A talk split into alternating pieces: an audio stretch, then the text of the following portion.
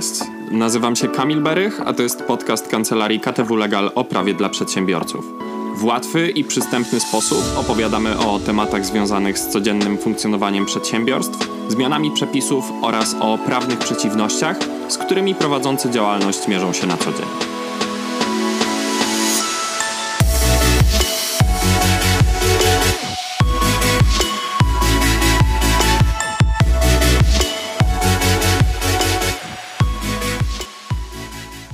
Witam Was bardzo serdecznie w kolejnym odcinku. Tym razem opowiem Wam trochę o Urzędzie Ochrony Konkurencji i Konsumentów.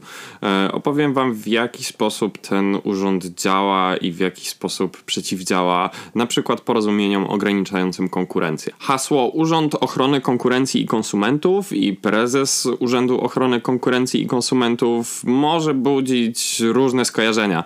Konsumenci będą kojarzyć działania UOKiK głównie z ochroną ich interesów, w tym związanych z bezpieczeństwem produktów, a przedsiębiorcy znowu przeważnie będą kojarzyć UOKiK z organem nakładającym kary w przypadku stwierdzenia nieprawidłowości związanych przykład z kartelami, czyli ze zmowami cenowymi, albo nadużywaniem pozycji dominującej. I w tym odcinku przede wszystkim skupimy się na tym aspekcie działań UOKiK-u, który jest skierowany do przedsiębiorców. UOKiK w zakresie swoich uprawnień może prowadzić postępowania wyjaśniające, postępowania sprawdzające, czy na jakimś konkretnym rynku, na przykład na rynku chemii budowlanej albo dystrybucji urządzeń biurowych, nie dochodzi przypadkiem do działań, które mogłyby ograniczać konkurencję. Działaniami takimi mogą być na przykład porozumienia między przedsiębiorcami, które w bezprawny sposób ustalają ceny lub dzielą między sobą rynek. Dodatkowo, e, w przypadku uzasadnionych podejrzeń, prezes UOKiK-u może prowadzić postępowanie przeciwko określonym przedsiębiorcom. To są tak zwane postępowania antymonopolowe. Jako przykład takich postępowań można wskazać, że w drugiej połowie listopada 2020 roku na stronach UOKiK-u ukazała się informacja o wszczęciu takiego postępowania w sprawie stosowania przez hurtownie farmaceutyczne specjalnego oprogramowania, poprzez które te hurtownie mogły weryfikować ceny stosowane przez swoich konkurentów. I takie praktyki, zdaniem UOKiK-u, mogą powodować ryzyko stosowania nieuczciwych praktyk rynkowych, powodujących wzrost cen leków i ograniczenie konkurencji. I właśnie w tym odcinku dokładnie wskażę, jakie obowiązują zasady wolnej konkurencji na rynku i jakie działania przedsiębiorców mogą zostać uznane za nieuczciwe, a tym samym mogą narażać przedsiębiorców na wysokie kary. Opowiem Wam teraz o kartelu. Bo słowo kartel często kojarzone jest z jakimś tajemnym stowarzyszeniem przedsiębiorców, na pewno nacechowanym pejoratywnie. Jest w tym sporo prawdy, bo poprzez pojęcie kartel rozumie się porozumienia zawierane między konkurentami, czyli przedsiębiorcami działającymi na tym samym poziomie rynku, polegające między innymi na ustalaniu cen, terytorialnym podziale rynku czy na alokacji klientów. Takie porozumienia określane są mianem porozumień ograniczających konkurencję. Zdarza się, że porozumienia mają formę jakichś stowarzyszeń zrzeszających przedsiębiorców, takich swoistych klubów, w ramach których ich członkowie ustalają zasady związane na przykład z polityką cenową. Bywa jednak i tak, że za takie porozumienie ograniczające konkurencję uznana zostanie handlowa umowa zawarta pomiędzy dwoma podmiotami, ale również pewne ustalenia poczynione pomiędzy przedsiębiorcami, nawet takie, które nigdzie nie są spisane, które zmierzają na przykład do podziału rynku zbytu czy alokacji klientów.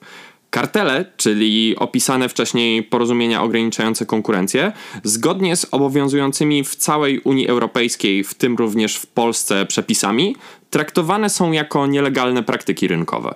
Aby zapobiegać sytuacjom, w których jako przedsiębiorca możemy zostać uznani za uczestnika kartelu, należy przede wszystkim wystrzegać się zdarzeń, w których może dojść do zawarcia takich porozumień.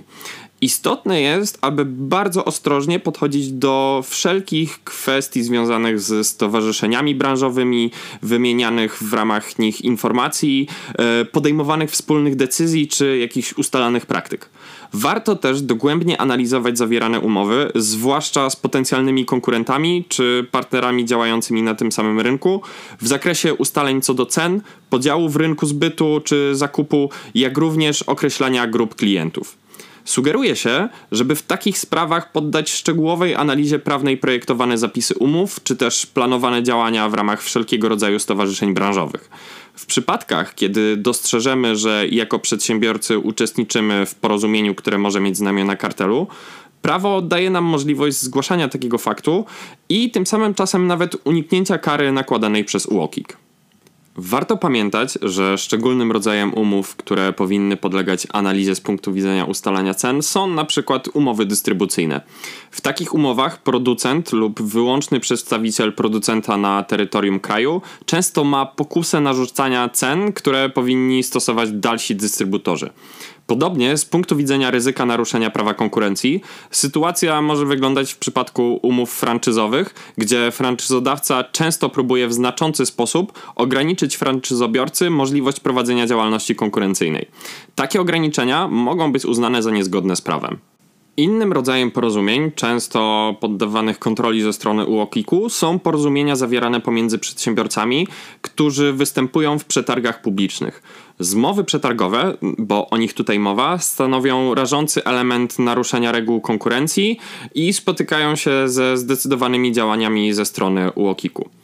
We wszystkich sprawach, w których jako przedsiębiorcy będziecie wchodzić w relacje z innymi przedsiębiorcami działającymi na tym samym poziomie rynku, czyli z konkurentami, rekomendujemy skonsultowanie takich potencjalnych relacji z właściwą kancelarią prawną.